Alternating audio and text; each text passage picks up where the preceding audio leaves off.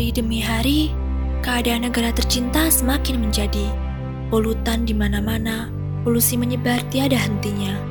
Lingkungan yang kotor pun semakin tak terkendali. Paru-paru dunia mulai terkikis, kesempatan bernapas menjadi menipis dikarenakan oksigen yang mulai habis. Kurang tegasnya peraturan merokok membuat jadi masalah tak mungkin berhenti. Aturan-aturan tak dipatuhi, bagaimana mungkin hak semua orang terpenuhi? Wahai mahasiswa para pejuang keadilan, inilah saatnya kita memperjuangkan keadilan, memperjuangkan hak untuk bebas dari asap rokok. Wahai mahasiswa para pejuang peradaban, selamat datang di podcast Ngobat, ngobrol bareng tokoh, persembahan dari bidang sosial politik BMFK Undip, berisikan pembahasan isu terkini. Salam cinta, salam perjuangan, atas nama cinta kita berjuang. Hidup mahasiswa, hidup rakyat Indonesia. Halo Medtips, di mana pun kalian berada, semoga kalian tetap diberi kesehatan dan kekuatan di masa pandemi ini ya. Wah, udah lama nih kita nggak berbincang-bincang lagi di podcast ngobat. Pasti teman-teman semua udah pada kangen dong. Wah, bener banget kak. Podcast ngobat terakhir kali itu bulan April kemarin. Jadi, sekarang saatnya kita bawain tema baru lagi di podcast kali ini. Pasti pada penasaran kan? Kira-kira apa ya tema yang akan kita bahas kali ini? Wah, yakin sih pada penasaran. Makanya kalian dengerin aja ya dari awal sampai akhir. Pokoknya tema kali ini tuh nggak bakalan kalah menarik dari tema sebelumnya. Dan juga podcast kali ini tuh menghadirkan narasumber yang eh, sama-sama keren dan terpercaya. Nah, bener banget tuh. Jadi, buat teman-teman semua, jangan pada ragu-ragu nih untuk dengerin podcast ngobat. Ya, bener banget nih. Oh iya, dari tadi kita kan udah ngobrol tuh, terus uh, tapi belum kenalan ya. Mungkin kita bisa kenalan dulu. Aku mulai dulu kenalannya. Halo Medpips, aku Faras dari program studi ilmu gizi angkatan 2019 dan sebagai staf ahli di bidang sosial politik BMFK Undip tahun 2021. Nah, aku gak sendiri juga kan, aku ditemenin sama Syafa. Halo Syafa.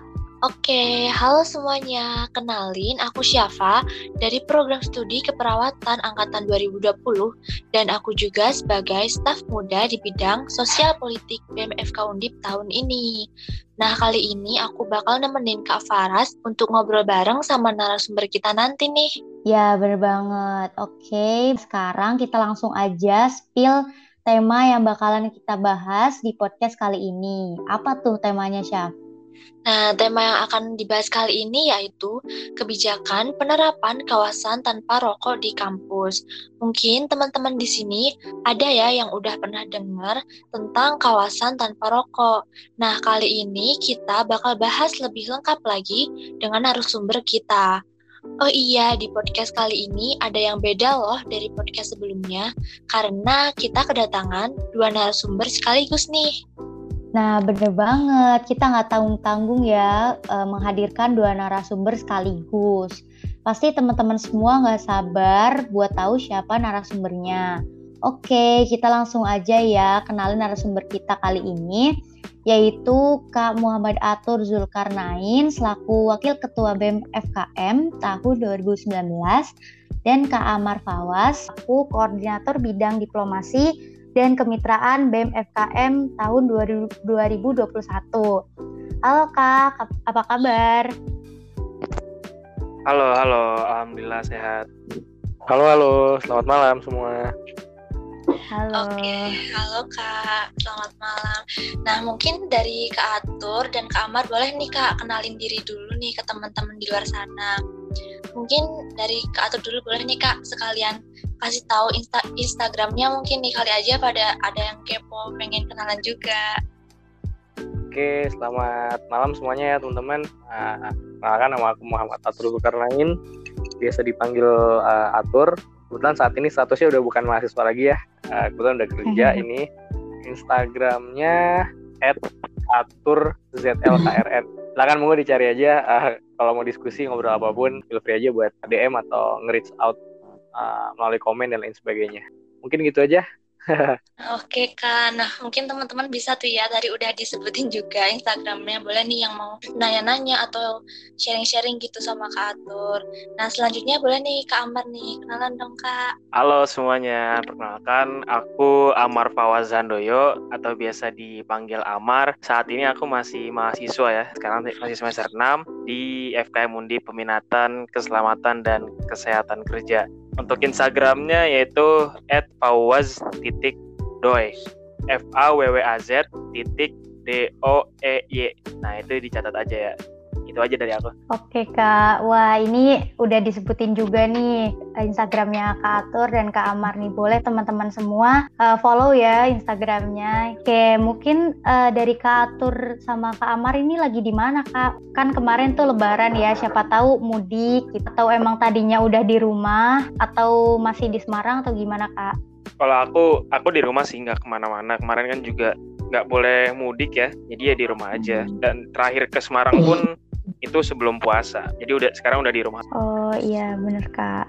Kalau kak atur di mana kak? Ya kalau aku kebetulan ini kayaknya lebaran kedua ya, nggak lebaran bareng keluarga karena tahun lalu kebetulan pas semester akhir nggak bisa pulang juga karena corona. Kebetulan tahun ini juga belum bisa kumpul langsung secara fisik ya sama keluarga hmm. di rumah karena ada tuntutan pekerjaan sih. Kebetulan sekarang lagi di Kalimantan Selatan gitu. Jadi kita lebaran aja di mes gitu bareng sama teman lain tuh. Wah jauh banget kak di Kalimantan ya? Iya.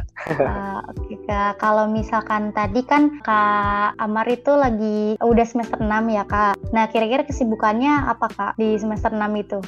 Untuk kesibukan ya, kesibukan sih ya paling kuliah aja sama di organisasi di BEM ya, membantu teman-teman BEM. Kalau misalkan kuliah ya paling ditambah sama pelatihan-pelatihan sih, itu aja. Kak, berarti kalau misalkan Kak Atur sendiri kan tadi kan kerja, um, kesibukan dari kerja itu apa ya Kak? Mungkin kegiatannya ngapain gitu? Oke, kalau kerjanya sendiri kebetulan karena kita anak kesehatan masyarakat ya. Terus juga kebetulan aku ngambil peminatannya sama dengan Amar ya di K3 pengamatan kesehatan kerja jadi aku ditempatin di function SHE Safety Health and Environment. Jadi aku yang mengurusin terkait masalah safety masalah kesehatan juga masalah hubungan yang berkaitan dengan tempat aku bekerja sekarang seperti itu. Uh, terutama uh, perihal masalah mitigasi COVID ya seperti itu. Jadi kita melakukan protokol kesehatan yang ketat jadi uh, selain 5M yang bisa kita tahu secara secara umum, kemudian satu poin lagi satu M itu kita mengisi apa ya kalau istilahnya itu kayak mengisi formulir tapi secara online menggunakan aplikasi namanya untuk monitoring para pekerja. Jadi di situ sudah terdata terkait posisi geografis lokasi dari pekerjaannya ini jadi bisa di tracking nih dia ke mana aja melalui GPS-nya kemudian uh, ada kuesioner isi apakah hari ini merasakan demam, batuk, pilek dan lain sebagainya dan juga perlu dituliskan juga nih uh, kontak dengan orang lain semuanya yang di mana kontak tersebut jaraknya kurang dari satu meter biasanya sih teman sekamar kayak gitu. Jadi uh, emang bener-bener sibuk banget. Terus ada ini juga ya, ada tracingnya dulu buat karyawan-karyawannya ya kak. Iya. Belum masuk.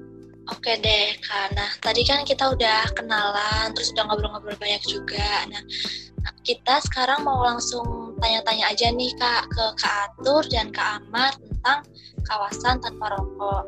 Nah, sebelumnya ya, mungkin di sini teman-teman ada yang udah pernah dengar tentang kawasan tanpa rokok atau yang sering kita sebut juga dengan KTR.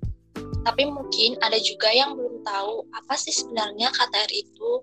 Nah, dari Kak Atur atau Kak Amar boleh nih Kak dijelasin lebih dalam lagi, lebih lengkap lagi gitu tentang KTR. Jadi apa sih Kak sebenarnya KTR itu?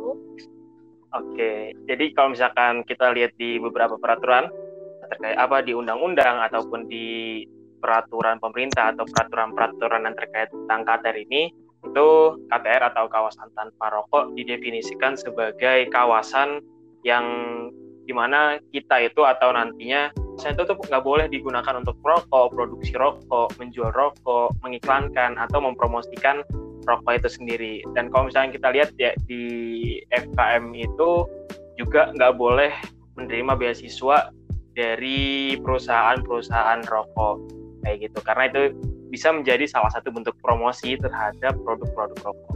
Oh gitu ya kak. Oke. Mungkin dari kakak ada tambahan lain? Uh, kalau aku nambahin dikit ya, intinya adalah KTR itu adalah tempat di mana atau kawasan di mana uh, kita tidak boleh melakukan merokok maupun juga ada penjualan, promosi dan lain sebagainya. Kita lebih menitik beratkan bukan melarang orang untuk merokok kayak gitu. Karena banyak sekali uh, bias-bias informasi yang ada di masyarakat, yang ada di publik biasanya kadang kita nih anak kesehatan melarang orang untuk merokok dengan membuat kawasan tanpa rokok seperti itu. Sebenarnya simpel aja gitu. Kita di sini hanya ingin mendikotomikan dan juga ingin memberikan hak pada masing-masing kelompok antara orang yang merokok dan tidak merokok. Mungkin kita pernah menegur orang yang merokok. Ketika kita di tempat makan atau tempat umum. Tapi mereka selalu mengatakan uh, dua hal. Pertama, mereka akan minta maaf dan matikan rokoknya. Kedua, ada yang tipe ngeyel kayak gitu. Yang di mana nggak mau ya ini kan hak saya rokok-rokok saya. Kenapa ada yang mengatur? Ya logikanya kita balik aja gitu loh. Kita kembalikan ya kami di sini juga punya hak untuk mendapatkan udara yang bersih dan sehat. Logikanya sesederhana itu. Nah terkait juga masalah uh, sampah gitu kita masalah attitude gitu sering kali kita melihat di jalan banyak orang buang sampah sembarangan seperti itu. Pertama puntung rokok kayak gitu. Lalu dibuang tidak pada tempatnya. Besar harapan dengan DKTR ini kemudian nanti disediakan pasti ada tempat sampah ya. Mereka pun juga nah, secara tahu dan mampu dan juga sadar untuk membuang sampah untuk rokok pada tempat. Jadi kalau menurut aku pribadi KTR ini merupakan sebuah win-win solution bagi orang yang merokok maupun juga orang yang tidak merokok. Kayak gitu ya bener banget kak. Berarti memang KTR ini kayak bersama-sama gitu ya biar apa ya yang non perokok juga bisa menghirup udara segar gitu. Dan juga yang perokok ya silahkan gitu kalau misalkan mau merokok ya pada tempatnya tidak di yang ada KTR-nya gitu ya kak. Ya betul jadi dibagi gitu ya masing-masing ada porsinya lah kayak gitu simple dan sesederhana itu sih tujuannya sebenarnya gitu bukan yang murah-murah kayak nggak boleh merokok nggak boleh merokok dan sebagainya ya logikanya kalau kita melarang semua orang lain untuk merokok ya itu juga menyalahi aturan undang-undang gitu secara di peraturan undang-undang tidak ada larangan secara konstitusional maupun secara yuridis orang tidak boleh merokok gitu kan. Yang ada adalah tidak boleh merokok pada tempat-tempat tertentu seperti itu. Salah satunya tempat-tempat uh, pusat-pusat beberapa titik lah. Salah satunya tempat pendidikan itu juga ada ada aturannya. Nanti mungkin jelas lagi oleh Amar ya di aturan terkait nomor berapanya. Kemudian di institusi atau tempat-tempat yang berkaitan dengan kesehatan kayak puskesmas dan lain sebagainya. Kayak gitu. Bahkan ya sekarang pun juga kalau kita teman-teman pergi ke kafe ke mall rata-rata hampir semua udah KTR pun juga dengan bandara kemudian stasiun dan juga tempat-tempat uh, publik lainnya seperti itu. Itu sudah dilakukan kawasan yang tidak boleh merokok sama sekali kayak gitu. Bener-bener kawasan tanpa rokok kayak gitu. Namun uh, mereka juga menyediakan tempat khusus bagi uh, orang yang ingin merokok kayak gitu. Simpelnya sih kayak gitu. Monggo Amar bisa dijabarkan terkait aturan-aturan mainnya gitu kalau misalkan kita ngomongin terkait peraturan ya atau dasar hukum ini emang banyak banget yang mengatur. Nanti juga ada peraturan-peraturan yang per kotanya atau per daerah Perda. atau per, per provinsi itu juga ada peraturan yang mengatur uh, ter terkait KTR ini.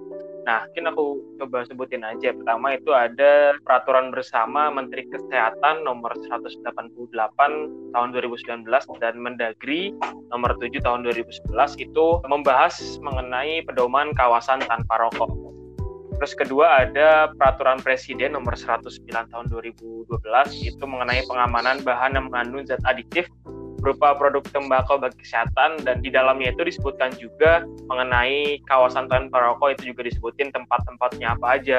Itu ada dalam peraturan tersebut kemudian ada juga aturan yang dari Menteri Pendidikan ini instruksi Mendikbud RI nomor 4 garis miring U garis miring 1997 mengenai lingkungan sekolah bebas rokok dan juga Permendikbud nomor 64 tahun 2015 mengenai KTR di lingkungan sekolah dan dari Mendikbud. Terus juga ada yang peraturan untuk Jateng ya itu yang disahkan oleh, uh, pada tahun 2019 yaitu peraturan gubernur nomor 3 tahun 2019 mengenai kawasan tanpa rokok dan untuk kalau misalkan di Semarang sendiri itu juga ada uh, beberapa peraturan. Pertama ada peraturan wali kota nomor 12 tahun 2009 itu membahas mengenai kawasan tanpa rokok dan juga kawasan terbatas merokok.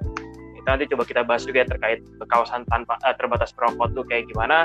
Dan ada juga di Kota Semarang ini membahas mengenai peraturan daerah nomor 13 tahun 2013 itu membahas juga mengenai kawasan tanpa rokok. Eh, dari peraturan-peraturan yang ada di atas itu, itu seluruhnya membahas kawasan tanpa rokok dan disebutkan juga beberapa tempat yang mana diwajibkan agar ditetapkan sebagai kawasan tanpa rokok. Itu ada tujuh, ada tujuh tempat. Pertama ada tempat ibadah, kemudian juga ada fasilitas pelayanan kesehatan, tempat proses belajar mengajar, tempat anak bermain, terus ada angkutan umum, tempat kerja, eh, tempat umum, dan juga tempat lainnya yang ditetapkan sebagai kawasan tanpa rokok. Nah, Tadi juga aku sempat nyebutin mengenai kawasan terbatas merokok. Nah, itu apa? Kawasan ter kawasan terbatas merokok ini nanti dikhususkan untuk beberapa tempat. Jadi kawasan terbatas merokok ini merupakan tempat di mana disediakannya smoking area gitu. Tadi kayak sebut yang disebutin Mas Atur ya. Uh, kayak misalnya di bandara, di kafe ataupun di sebagainya. Nah, eh, TM ini itu untuk tempat-tempatnya di, mana aja. Kalau misalkan kita mengacu kepada peraturan, itu harus disediakan di tempat kerja dan juga tempat umum kayak gitu. Jadi kayak misalkan di kantor, di kantor itu wajib untuk menyediakan smoking area dan juga kayak misalkan di tempat wisata itu wajib untuk menyertakan atau menyediakan kawasan untuk merokok kayak gitu. Dan untuk tempat-tempat lainnya kayak yang tadi aku sebutin tempat belajar mengajar kayak sekolah, kampus atau tempat-tempat lainnya itu nggak boleh, nggak wajib gitu. Atau ya mungkin lebih disarankan ya untuk tidak uh, menyediakan tempat khusus merokok bahkan ditekankan atau diwajibkan untuk menetapkan uh, kawasannya itu menjadi kawasan tanpa rokok. Ini sebenarnya peraturannya banyak banget ya kalau misalkan aku sebutin mengenai kawasan tanpa rokok ini soalnya apa ya ini nyambung juga nanti ke undang-undang terkait kesehatan. Itu juga itu juga terdapat uh, peraturan KTR ini juga ada di undang-undang kesehatan yang nomor 36 tahun 2009 itu pasal 113 sampai pasal 116 itu membahas mengenai kawasan tanpa rokok mengenai bagaimana penetapannya, terus juga tempat-tempatnya itu mana aja, dan dijelaskan lebih lengkap lagi melalui peraturan presiden, melalui peraturan pemerintah, melalui peraturan-peraturan menteri itu dijelaskan lagi bagaimana sanksinya dan juga bagaimana tata cara penetapannya gitu. Mungkin bisa dilanjut aja itu udah banyak banget peraturan-peraturan yang aku sebutin. Gitu. Pemerintah dari mungkin Kemendikbud itu juga udah ada peraturan sendiri ya tentang KTR ini. Um, tadi kalau nggak salah juga Kak Amar tuh menyebutkan ya uh, kawasan yang memang harus ada KTR-nya tuh ya seperti kawasan proses belajar mengajar gitu. Terus ada tempat ibadah dan lain sebagainya. Itu memang udah ada peraturannya sendiri. Kalau nggak salah tuh dari buku pedoman gitu ya Kak? Ya ada buku pedoman juga terkait KTR ini yang dibentuk sama Menkes dan juga Mendagri. Tapi untuk buku pedoman ini juga mengacunya sama undang-undang yang tadi aku sebutin gitu apa khususnya yang di PBM atau peraturan bersama Menteri Kesehatan dan Mendagri itu juga semuanya lengkap tercantum mengenai KTR. Oke berarti banyak juga ya ternyata peraturan yang yang mengatur tentang KTR ini. Nah e, kalau urgensi dan manfaat dari penerapan KTR itu sebenarnya itu gimana sih kak? Ini aku coba ini ya, coba jelasin sedikit ya. Nanti mungkin lebih dipertegas lagi sama Amar sebenarnya urgensi dan juga manfaat dari penerapan KTR itu kembali lagi pada statement kami di awal gitu. Bagaimana kami bisa memisahkan dan juga saling memberikan hak dan kewajiban bagi orang-orang yang merokok maupun yang tidak merokok seperti itu. Karena uh, yang namanya ketika kita merokok apalagi di Indonesia ini sudah erat sekali kaitan dengan sosial uh, culture budaya bahkan secara politik seperti itu tapi kita coba kesampingkan itu semua. Kayak lagi ke masalah pola perilaku hidup bersih dan sehat dan juga kepercayaan dari masyarakat sendiri di Indonesia. Ketika kita melarang orang untuk merokok kayak gitu itu merupakan sebuah hal yang agak sulit dan mustahil untuk dilakukan di Indonesia saat ini kayak gitu. Ya pertama dari segi regulasi masih simpang siur dan belum begitu jelas. Meskipun dari yang disebutkan Amar secara regulasi itu sudah sangat sangat detail tapi kenyataannya best practice-nya penerapan di lapangan jadi katakan nihil nihil banget gitu. Terutama di ruang-ruang publik seperti itu. Kenyataannya teman-teman bisa melihat sendiri gitu.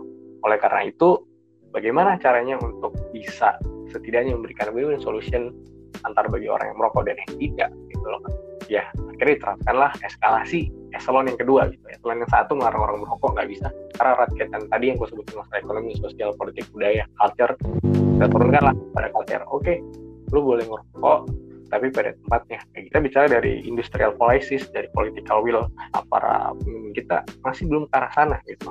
Bagaimana meminimalisir angka rokok aktif dan pasif yang ada di Indonesia seperti itu. Karena kita bisa melihat sendiri juga kalau kita bicara aspek ekonomi ya banyak juga perusahaan-perusahaan rokok yang sudah mulai mendiversifikasi bisnisnya gitu. Nggak hanya rokok aja tapi ke lini-lini bisnis yang lain kayak gitu tapi memang aku akuin memang butuh proses dan waktu. Kalau kita bergantung pada 100% idealisme kita tanpa ada rasionalitas. Mengingat juga masa rokok ini berkaitan dengan ekonomi sosial politik budaya maka dari itu langkah-langkah persuasif pendekatan-pendekatan bertingkat dengan eselon-eselon yang tadi disampaikan tingkatan-tingkatan tertentu itu bisa dilakukan. Wah lengkap banget sih kak. Iya benar juga. Um, apa ya jadi urgensinya tuh untuk ini ya menempatkan orang yang merokok dan tidak merokok itu pada tempatnya dan juga sehingga biar biar non perokok itu dia, uh, mereka tidak menghirup udara polusi dari rokok sendiri gitu. Untuk dan untuk meminimalisir perokok juga sih benar. Mungkin dari kak Amar ada tambahan ada tambahan lagi kak Oke, mungkin sedikit ya. Aku juga setuju apa yang disampaikan oleh Mas Atur. Aku, aku sejalan. Melihat bahwasannya perokok di Indonesia ini, ya kita nggak bisa bilang di kita ini udah banyak banget, udah banyak banget perokok yang ada di Indonesia. Kita nggak bisa nggak bisa kita pungkiri bahwasannya kita hidup dalam keseharian itu berdampingan dengan orang, pastinya berdampingan dengan orang yang merokok. Nah, tentunya kita nggak bisa serta merta langsung, eh, uh, jangan ngerokok di sini mas, jangan merokok di sini. Walaupun uh, di situ nggak ada tandanya kita nggak bisa melarang kita nggak bisa melarang secara langsung kayak gitu. Ya dengan adanya kawasan tanpa rokok ini tentunya bisa kembali lagi ke statement yang di awal bahwa saya hak uh, hak orang dalam menghirup udara bebas hak orang dalam uh, untuk merokok itu wajib atau harus sama-sama terpenuhi gitu. Nggak boleh uh, ketimpangan di salah satu pihak. Melihat juga di Indonesia itu nggak ada kebijakan terkait yang melarang orang untuk uh, tidak merokok itu kan nggak nggak ada ya. Dan diingat juga sisi dari ekonomi. Bahwasannya di Indonesia ini pemasukan terbesar salah satunya adalah dari dari rokok itu dan orang-orang pun kalau misalkan ngerokok eh, rokok yang ada di Indonesia pun harganya ini udah udah tergolong murah dibanding dengan rokok-rokok yang dijual di luar negeri. Karena itu disediakanlah yang namanya tempat khusus rokok atau smoking area agar agar haknya itu sama-sama terpenuhi Oke kak, berarti um, apa ya? Memang untuk penerapan KTR ini kan nggak bisa langsung yang semua orang bakalan menerapkan gitu ya kak. Apalagi di FKM ini mungkin masih ada ya beberapa mungkin mahasiswa atau uh, dosen-dosen seperti itu yang belum menerapkan KTR gitu di awal-awal. Nah uh, sebenarnya suka duka apa ya uh, dalam penerapan KTR ini dari dulu sampai sekarang tuh gimana kak suka dukanya? Suka dukanya mungkin lebih ke Mas Atur ya, di mana zamannya Mas Atur ini itu deket-deket banget sama pengesahan KTR yang ada di student center. Mungkin ini aku aku jelasin dulu ya gimana gambaran penerapan KTR. Jadi di Undip ini ada dua tempat, kalau misalnya kalian tahu ada dua tempat yang dinyatakan sebagai kawasan tanpa rokok yang pertama itu ada di FKM, ini diatur dalam SKDK nomor 60 garis miring 17 titik 1 eh, 1318 garis miring SK garis miring 2008 itu untuk FKM dan juga ada untuk uh, student center yaitu melalui peraturan rektor nomor 11 tahun 2015. Nah, untuk di FKM sendiri itu sudah berjalan uh, dulunya juga apa namanya ini dibantu oleh para dosen kita dari khususnya dari peminatan PKIP. Nah itu itu dibantu oleh dosen-dosen kita agar bagaimana nantinya FKM ini menjadi kawasan tanpa rokok dan alhamdulillah udah berjalan sampai sekarang. Tapi emang ada beberapa tanggapan gitu. Ada yang beranggapan bahwa KTR-nya ini hanya di kampus aja, yang bagian satpam, bagian parkir itu nggak termasuk kawasan tanpa rokok. Itu ada yang berpendapat itu. Tapi secara keseluruhan dari mahasiswa FKM yang ini itu menganggap bahwa kawasan FKM baik dari kampusnya, baik dari segi lapangan, baik dari segi parkir, pos satpam itu adalah eh, kawasan tanpa rokok kayak gitu. Ya untuk uh, kendala-kendalanya mungkin lebih ke bagian satpamnya itu. Itu emang sulit banget untuk uh, diatur walaupun uh, kalau misalkan kita tegur satpamnya itu bisa aja dan nanti dari satpamnya juga bisa menanggapi dengan positif gitu. Dan kalau misalkan di SC ini tentunya menjadi problematika gitu dalam keberjalanan uh, kawasan tanpa rokok. Jadi sejak tahun 2015 ya, tepatnya di bulan Desember, akhir Desember itu di uh, Student Center telah ditetapkan sebagai kawasan tanpa rokok. Namun masih banyak dari mahasiswa ataupun dari keluarga Undip itu belum mengetahui bahwasannya Student Center ini merupakan tempat yang ditetapkan sebagai KTR. Nah ini ini menjadi problem juga dan sempat juga dipasang tanda bahwa SC merupakan KTR namun itu malah dicopot entah sama siapa dicopotnya jadi orang-orang pada nggak tahu bahwasannya SC ini KTR orang-orang ya udah bebas aja ngerokok di di sana gitu. Dan peraturan yang dibuat ini ternyata kurang gitu kurang berjalan lah mengenai KTR di student center. Oleh karena itu eh, dari tahun ke tahun dari FKM khususnya dari BMFKM itu terus mengupayakan agar bagaimana kawasan tanpa rokok yang ada di student center itu bisa berjalan secara optimal lagi dengan bagaimana dengan kita mengaudiensikan kepada pihak rektorat dan juga kita ber, bekerja sama dengan para dosen dengan pihak-pihak lainnya agar bagaimana SC ini menjadi KTR lagi dan tidak hanya itu agar bagaimana KTR ini juga bisa terus selenggara di seluruh uh, lingkungan yang ada di UNIF. Ya, Kak. Uh, Pak, sorry tadi kepotong itu. Kalau suka dukanya ya tadi ya udah jelasin juga sama Mar mungkin aku mau ceritain pengalaman unik sih. Memang dulu waktu pas zaman aku masih di sekolah uh, ada roadshow KTR ya. Biasanya uh, kita nih mau kayak sosialisasi kepada seluruh fakultas yang ada di UNIP terkait lebih ke pengenalan dan edukasi aja gitu. Kita connect ke sospol di BEM fakultas lain kita ini ketemu kemudian kita sampaikan gitu terkait penerapan KPR ini baik buruknya seperti apa ujiannya seperti apa manfaatnya bagaimana dan sebagainya. Dan alhamdulillah rata-rata mereka secara apa namanya secara regulasi secara aturan secara konsep uh, sepakat dengan apa yang kami sampaikan dan sangat tertarik. Ini memang kembali lagi kepada kendala penerapannya uh, secara teknis seperti itu.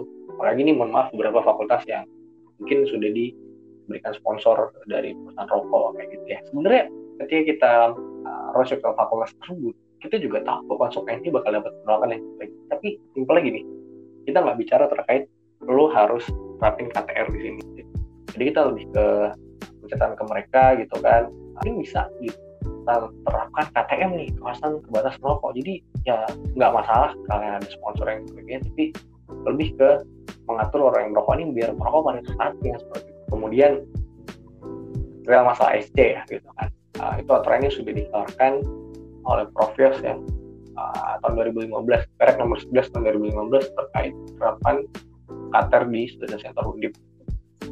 Tapi kenyataannya kan teman-teman bisa lihat sendiri cerita uniknya adalah pada saat dulu zaman zamannya aku masih di BEM ya waktu masih di kabin sosial kita sering banget ikut konsol mau ikut aksi mau ikut uh, apa ya demo dan sebagainya. Kita hamin dua hamin satu pasti ada konsol dong. Entah itu kajian entah itu uh, apa pun itulah bahas rapat bersama semua warga Undip gitu. Iya uh, tanggapannya luar biasa. Ah apa nih mas? Gini gini kita mungkin apa sampai ngomong apa? Ya simpel aja lu sampaikan. Lu gimana terkait perubahan yang kita bicara hari ini tentang regulasi yang kita tuntut untuk diakomodir oleh pemerintah. Yang kita lawan ini adalah uh, apa ya mafia mafia besar dalam tanda kutip. Uh, ketika tadi mau untuk memperjuangkan keadilan bangsa dan sebagainya. Kita terlalu utopis bicara di sini tapi lupa dengan aturan tempat sendiri gimana caranya kita mau mengubah hal yang besar hal yang kecil aja kita nggak bisa taati? Itu menjadi cerminan jadi diri kita seperti apa nanti. Gitu loh. Mau usah bicara idealisme deh aturan gini aja lu nggak bisa nggak bisa naatin gimana kita bicara aturan yang besar yang mungkin ingin kita tuntut gitu. Loh pada akhirnya kita nggak lebih dari orang yang munafik. Ketika ngomong kayak gitu kira denger lah pimpinan-pimpinan BEM pada masa itu undip BEM fakultas dan sebagainya. Kira mereka sepakat di aturan forum agenda pada hari itu dan selanjutnya. Hanya dilarang orang untuk merokok. Gitu. kalau merokok yang jauh di sana gitu. mau nggak mau gitu. Aturannya evidensi udah ada nah masalahnya di mana? Di simbol-simbol larangan tersebut gitu. Pada saat itu kita sudah mencoba menghimpun dana kita ada dana kita mau pasang plam gitu. Atau nggak banner kita pasang sendiri di ya, tapi balik lagi kesulitan secara birokrasi, secara administrasi yang berbelit-belit izin harus ngomong ke senat dulu nanti di, diteruskan ke apa namanya uh, unit perlengkapan unit rumah tangga unit dan lain sebagainya. Harus warik kita yang mau masang bro. Kita masang sendiri gratis gitu. Dan kita tahu tata cara masang gitu tapi baik lagi sulit. Pada akhirnya kita cuma masang banner dan juga kita memasang kertas larangan merokok di student center yang kita nanti kita tempel tapi setelah itu seminggu kita cek lagi udah hilang. Gitu kita ngomong diambil orang lah tanya copot lah dan lain sebagainya. Kayak gitu. Oke, makasih kak buat um, um, berarti memang uh, ada sanksi gitu ya kak buat yang melanggar KTR ini? Ada dalam penerapan KTR tuh ada yang melanggar pasti ada sanksinya gitu. Setiap aturan yang dibuat dan dilanggar pasti itu udah ada uh, sanksinya tersendiri. Hmm, berarti kebanyakan tuh sanksinya ditegur dulu gitu ya kak? Hmm, banyak sanksi administratif sih seperti itu gitu loh. Uh, terkait uh, teguran bisa, kemudian kedua secara administrasi denda bisa bahkan ada kurungan juga sampai pidana kayak gitu. Tapi ya penerapannya mentok-mentok mana sih administratif gitu karena atau ada tegur doang. Gitu. Baik lagi practice penerapan di lapangan yang itu ya agak sulit kayak gitu. Oke, berarti KTR ini udah diterapkan banget ya di FKM ini. Uh, malah secara masif banget ada sanksinya, udah ada peraturan yang tertulis juga. Nah sebenarnya kalau uh, dari perizinan itu gimana sih untuk memperoleh perizinan ini kan uh, masih banyak tuh fakultas yang belum menerapkan KTR ini secara masif kayak FKM ini. Nah untuk um, ke birokrasinya atau ke uh, advokasi ke dekanat atau langsung ke rektorat itu gimana ya kak? Langkah-langkahnya. Ini, ini aku jelasin simple ya. Pertama tentunya uh, kita mungkin dari BEM ya itu nggak bisa jalan secara langsung tanpa ada dukungan dari pihak-pihak lain. Pihak lain ini siapa? Pihak lainnya ini bisa dari mahasiswa gitu. Pastinya pertama kita harus melakukan survei dulu ke lapangan. Apakah dari mahasiswa ini pertama ada yang perokok uh, atau enggak? Terus uh, kedua setuju atau enggak kalau misalkan kampus ini dijadikan kawasan tanpa rokok Nah itu kita harus perlu tahu dulu bagaimana kondisi lapangannya.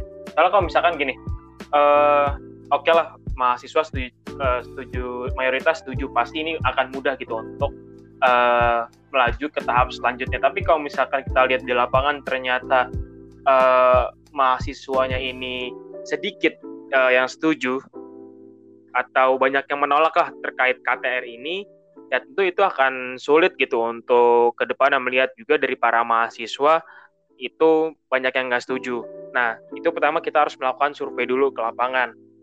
Entah itu dari uh, ke mahasiswa ataupun ke dosen. Nah, setelah uh, kita melakukan survei, anggaplah uh, misalkan uh, surveinya ini hasilnya positif ya, banyak mayoritas mahasiswa, sebagian besar mahasiswa itu setuju dengan penerapan kawasan tanpa rokok. Nah, setelah itu barulah bisa dibikin uh, kajian mengenai kawasan tanpa rokok ini. Nah, setelah ada kajian, tentunya untuk uh, melaju ke tingkatan yang lebih tinggi seperti audiensi ke uh, pihak dekanat ya ini mungkin uh, untuk tingkatan fakultas untuk masuk ke pihak dekanat kita perlu dukungan lebih gitu gak hanya dari suara-suara mahasiswa aja karena kita lihat sendiri bahwasannya uh, selama keberjalanan apakah permintaan dari mahasiswa itu mudah untuk dituruti oleh uh, pihak dekanat? Tentunya ini merupakan uh, eh, apa ya perlu usaha-usaha lagi gitu. Nah tentunya biar agak mudah terlaksana kita perlu dukungan pihak lain yaitu bisa didukung oleh dosen. Uh, kayak misalkan kita cobalah kerjasama dengan pihak dosen yang berkaitan ataupun yang memiliki suara yang kuat gitu untuk menyuar, untuk menyuarakan aspirasi. Setelah kita dapat dukungan seperti uh, dengan bukti tanda tangan, nah itu kita bisa coba melakukan audiensi kepada pihak dekanat. Nah kalau misalkan uh, pasti ini ada peluang diterima dan juga ada peluang ditolak kan. Kalau misalkan diterima, oke, okay, disusun lagi bagaimana uh, tata cara nanti pelaksanaan itu kayak gimana, bagaimana step by stepnya itu kayak gimana agar nantinya fakultas ini menjadi kawasan tanpa rokok. Tapi kalau misalkan ditolak, tentunya kita harus melakukan evaluasi gimana sih ke depannya agar uh, nanti KTR ini bisa tercapai bagaimana uh, apa apa aja kekurangan-kekurangan kita dalam uh, audiensi atau dalam tahapan-tahapan sebelum itu kekurangan kita apa aja ya gitu. Nah ini mungkin aku contohin ya dari segi FKM yang juga tahu uh, siap tahunnya itu membuat kajian mengenai KTR. Ini mungkin aku ambil contoh dari yang tahun ini. Jadi tahun ini FKM juga menyusun kajian mengenai kawasan tanpa rokok. Dan itu juga uh, sembari menyusun kajiannya juga melakukan survei ke uh, seluruh mahasiswa Undip. Nggak hanya ke FKM ini melakukan survei ke seluruh mahasiswa Undip. Uh, apakah mereka merasa terganggu dengan asap rokok, apakah uh, mereka mengetahui mengenai KTR itu apa, itu dilakukan survei dulu. Setelah itu nanti surveinya itu dimasukkan ke kajian menjadi data yang nantinya diolah agar kajiannya ini tuh sesuai atau kajiannya itu real gitu dengan apa yang ada di lapangan. Jadi nggak nggak main-main. Setelah itu uh, setelah kajian selesai, ini juga uh, kajiannya dari FKM itu nggak hanya uh, dari sisi pandang mas dari sudut pandang mahasiswa aja, tapi kita juga melakukan konsultasi kepada dosen-dosen uh, yang berkaitan ataupun yang lebih paham mengenai kawasan tanpa rokok ini. Itu juga coba kita reach dosennya, kita ajak untuk uh, bekerja sama. Ini merupakan salah satu, ini merupakan uh, bentuk dukungan gitu dari dosen. Nah setelah itu juga dilakukan audiensi kepada pihak dekanat terlebih dahulu. Ini juga tujuannya untuk mencari dukungan agar bagaimana nanti kita bisa melangkah ke uh, step yang lebih tinggi yaitu kita ingin masuki pihak rektorat. Dalam, alhamdulillah ini juga didukung ya dari pihak dekanatnya dan kemudian uh, beberapa waktu yang lalu juga alhamdulillah terlaksana. Uh, audiensi bersama jajaran wakil rektor 1 uh, untuk keberjalanan atau optimalisasi kawasan tanpa rokok di student center. Seperti itu. Oke, nah sejauh ini tuh pasti ada ya kak perubahan sebelum dulu menerapkan KTR dan sesudah diterapkan KTR di FKM ini dan juga kalau nggak salah tuh FKM punya acara besar ya kak terkait HTTS. Iya, uh, dari FKM sendiri uh, setiap tahunnya menyelenggarakan Hari Tanpa Tembakau Sedunia ya. Dan setiap tahunnya pasti mengusung tema yang berbeda dan tahun 2018 itu uh, mengusung tema mengenai optimalisasi kawasan tanpa rokok di SC. Jadi dibentuk kayak semacam acara gitu untuk mengingatkan kepada orang-orang di bawah sana SC ini KTR.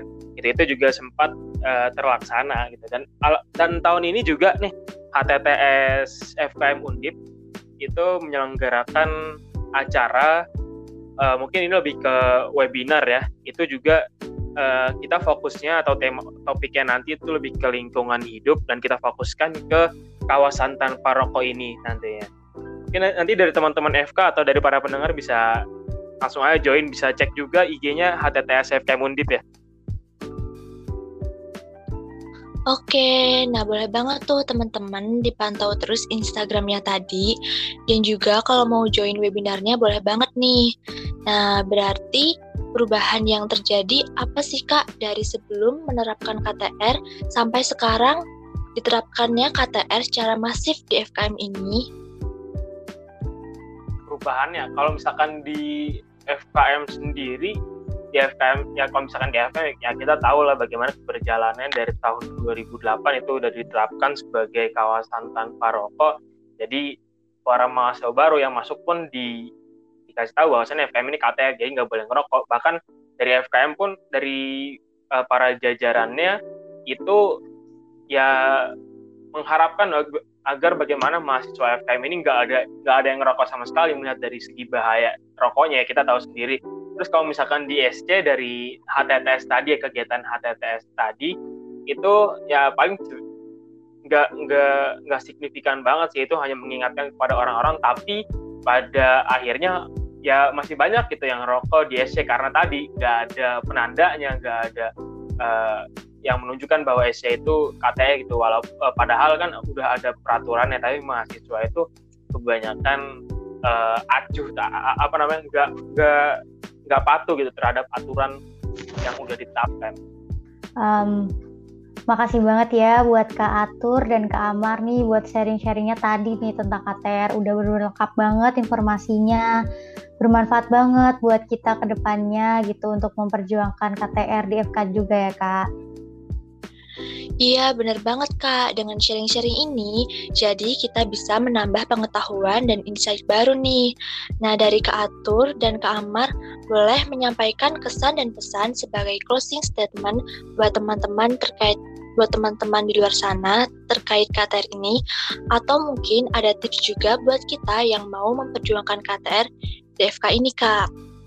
Mungkin dari Kak Atur dulu boleh menyampaikan kesan dan pesannya Kak, silahkan.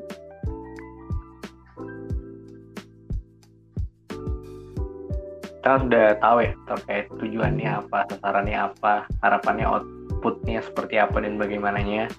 Pun juga kita tahu juga dan dengan tantangannya. Salah satunya yang sederhana adalah terkait ya pasti akan ada cibiran dan lain sebagainya. Bias-bias informasi mengatakan kita yang melarang orang merokok dan lain sebagainya. Ya kita harus kuat dengan tantangan seperti itu. Ya tugas kita adalah di sini sebagai edukator ya uh, tentang masalah kesehatan. Memang tidak serta merta untuk melarang orang merokok tapi lebih bagaimana uh, mendikotomikan dan juga memberikan hak-hak bagi orang yang merokok maupun yang tidak merokok gitu. dengan tujuannya seminimal mungkin adalah uh, apa ya menekan angka perokok pasif seperti itu karena kan perokok pasif itu biasanya tidak terdata gitu. Sulit untuk mendata perokok pasif. Karena kadang orang yang perokok pasif pun juga nggak tahu kalau dia adalah orang perokok pasif. Oke, kayak contohnya uh, orang yang bekerja di kantoran. Yang di mana teman kantor ngerokok dia nggak. Secara nggak langsung dia menjadi sebagai seorang perokok pasif. Karena ketika kerja kantoran ber AC siklus udaranya tidak uh, baik karena pakai AC karena tertutup ya otomatis dia akan menghirup uh, apa asap rokok itu juga gitu. Dan pada akhirnya bahayanya sama aja gitu loh. Kemudian yang kedua yang pernah capek lah untuk mengawal isu kayak gini gitu loh. Aku pun juga sudah sampaikan pesan juga nih ke teman-teman FKM terkait masalah ini gitu. Jangan pernah capek untuk mengawal isu ini gitu. Walaupun juga ada yang mencibir atau yang uh, bilang tiap tahun ini mulu isunya. Ya memang benar. Memang benar gitu fokus isu kita secara keilmuan ya salah satunya adalah terkait masalah KTR ini, masalah uh, kesehatan ini gitu. Ya selama itu belum selesai akan selalu dikawal sampai kapan pun gitu secara konsisten. Idealnya seperti itu. Kita kasih contoh deh karena kita analogikan. Kalau mungkin teman-teman pernah mendengar istilah kamisan yang dilaksanakan dari tahun berapa? Kalau dari tahun uh, 2000 berapa sampai sekarang gitu. Yang pertama uh, diinisiasi oleh para keluarga korban uh, tragedi uh, sakti gitu. Hingga saat ini yang semakin berkembang. Yang dilaksanakan pusatnya di depan istana negara setiap hari Kamis dari dulu sudah belasan tahun hingga tahun ini tidak pernah mereka sekalipun tidak melaksanakan kegiatan kamisan gitu selalu dikawal sampai uh, secara konsisten hingga saat ini. Kenapa? Isu masalah tersebut belum terselesaikan sampai saat ini gitu. harapannya seperti itu kita. Semangatnya kurang sama dengan Eh, orang-orang yang melaksanakan kamisan gitu loh. Karena kalau bukan kita lah anak kesehatan yang meng, apa ya me, menjadi garda terdepan untuk mengawal isu ini ya siapa lagi kayak gitu yang mau aware kalau bukan kita sebagai anak kesehatan itu sendiri. Simpelnya di sana sih tuh. Harus semangat lah buat teman-teman FK yang lagi menerapkan kesehatan. Aku pikir dengan latar belakang keilmuan kalian uh, di mana dosen-dosen latar belakang keilmuan juga tentang kesehatan tidak akan sulit untuk bisa diterapkan uh, KTR di FK. Seminimal-minimalnya adalah kawasan uh, bukan tanpa rokok tapi kawasan uh, terbatas merokok kayak gitu dan itu merupakan sebuah sebuah progres yang baik kayak gitu dan juga seperti yang disampaikan Amar teman-teman dari FKM insya Allah selalu siap terbuka gitu loh untuk uh, membantu lah sebisa teman-teman untuk uh, membersamai teman-teman FK agar tujuan terciptanya KTR itu bisa tercapai. Gitu mungkin itu sih closing statementnya dari aku saya minta maaf kalau memang udah banyak nih yang aku sampaikan yang sekiranya uh, kurang berkenan atau mungkin kurang bisa dipahami oleh teman-teman terutama teman-teman pendengar seperti itu. Oke kak, terima kasih kak Atur buat closing statementnya. Mungkin dari kak Amar gimana kak? Dari kak Amar sendiri gimana? Dari aku nggak banyak ya uh, mungkin ya karena kita anak kesehatan kita tahu sendiri bahwasannya uh, dampak kesehatan akibat rokok ini pastinya udah pada bahaya banget bisa menyebabkan kanker dan juga bisa menyebabkan penyakit penyakit lainnya ya gitu. Dan rokok ini pun bahayanya nggak hanya dari pengguna aja tapi dari eh, orang-orang uh, sekitarnya gitu. Mungkin ini ini juga menjadi penyebab harga rokok mahal dibanding uh, ini ya kalau misalkan di luar negeri itu harga rokok mahal tapi harga miras murah. Karena uh, salah satu penyebabnya adalah rokok ini berdampak pada lingkungan tetapi untuk miras kan berdampaknya hanya pada lebih ke pribadinya sendiri gitu. Dan dampak kesehatan yang diakibatkan oleh rokok ini pun gak hanya pada perokok aktif yang melainkan juga pada perokok pasif. Dan mungkin yang sedang ramai juga yaitu mengenai terpen smoke ya yang di mana uh, racun-racun dari rokok itu menempel pada benda yang mana juga terhirup. Itu juga bahayanya sama gitu. Ya mungkin pesan aku untuk teman-teman Eva khususnya ataupun secara umum teman-teman dari yang bergelut di dunia kesehatan jangan takut jangan malu untuk uh, mempromosikan bahwa rokok itu berbahaya gitu. Ini kita nggak nggak melihat hanya dari uh, satu sisi aja tapi kita coba melihat dari banyak sisi itu apalagi dari sisi ekonomi. Tentunya kalau misalnya ya, kalau misalkan uang kita hanya dihabiskan untuk rokok tidak hanya uh, tidak dipergunakan untuk hal-hal bermanfaat lain itu kan juga merupakan uh, suatu dampak gitu bisa bisa menurunkan kualitas ekonomi dari kita sendiri gitu. Nah makanya dari teman-teman kesehatan teruslah aktif dalam mempromosikan uh, kegiatan kegiatan-kegiatan anti rokok. Nah itu harus dipromosikan agar bagaimana nantinya rokok yang ada di Indonesia itu turun khususnya perokok pada usia dini atau pada usia muda yang di bawah 18 tahun. Karena kita melihat prevalensinya pun itu masih cukup tinggi ya di tahun 2000 mungkin bisa dicek uh, di Riskesdas. Ini juga mencapai angka 9,3 persen. Nanti kalau misalkan salah mungkin bisa dikoreksi nah harapannya angka perokok yang ada di Indonesia itu bisa turun karena perokok juga merupakan beban dari penyakit-penyakit yang uh, ditanggung oleh BPJS oleh karena itu sebabnya BPJS sering uh, mengalami kolaps walaupun pada tahun ini dari dari tahun lalu ya kuartal-kuartal akhir itu BPJS mengalami surplus kayak gitu. Mungkin itu aja pesan dari aku, tetap jaga kesehatan. Nanti kalau misalkan ada penjelasan dari aku yang kurang jelas, kita bisa sama-sama diskusi aja entah nantinya melalui Instagram aku yang tadi udah disebutkan di awal ataupun melalui platform-platform lainnya. Oke, mungkin sekian aja dari aku.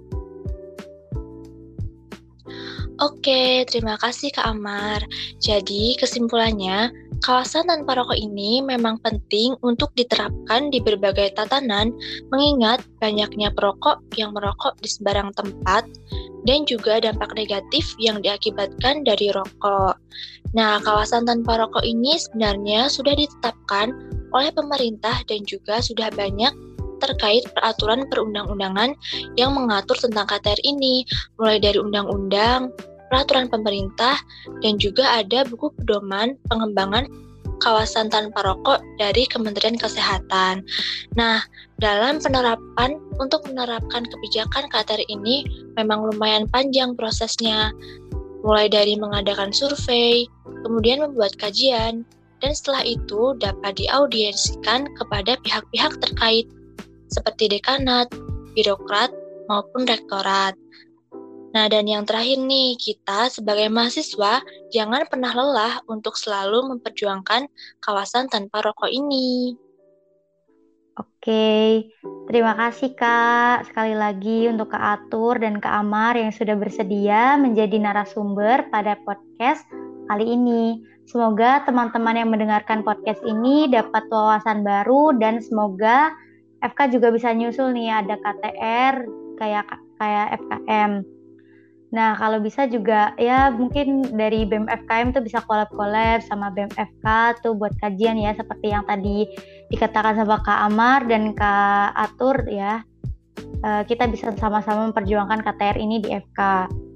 Mungkin lain kali juga kalau misal offline kita bisa ketemu secara tetap muka gitu, biar nggak kenal online doang ya kak. Baik, sekian dari podcast Ngobat episode kali ini dengan tema Kebijakan Penerapan Kawasan Tanpa Rokok di Kampus persembahan dari bidang sosial politik BMFK Undip tahun 2021. Saya Faris Imtias. Dan saya Syavalina. Terima kasih. Sampai jumpa selanjutnya.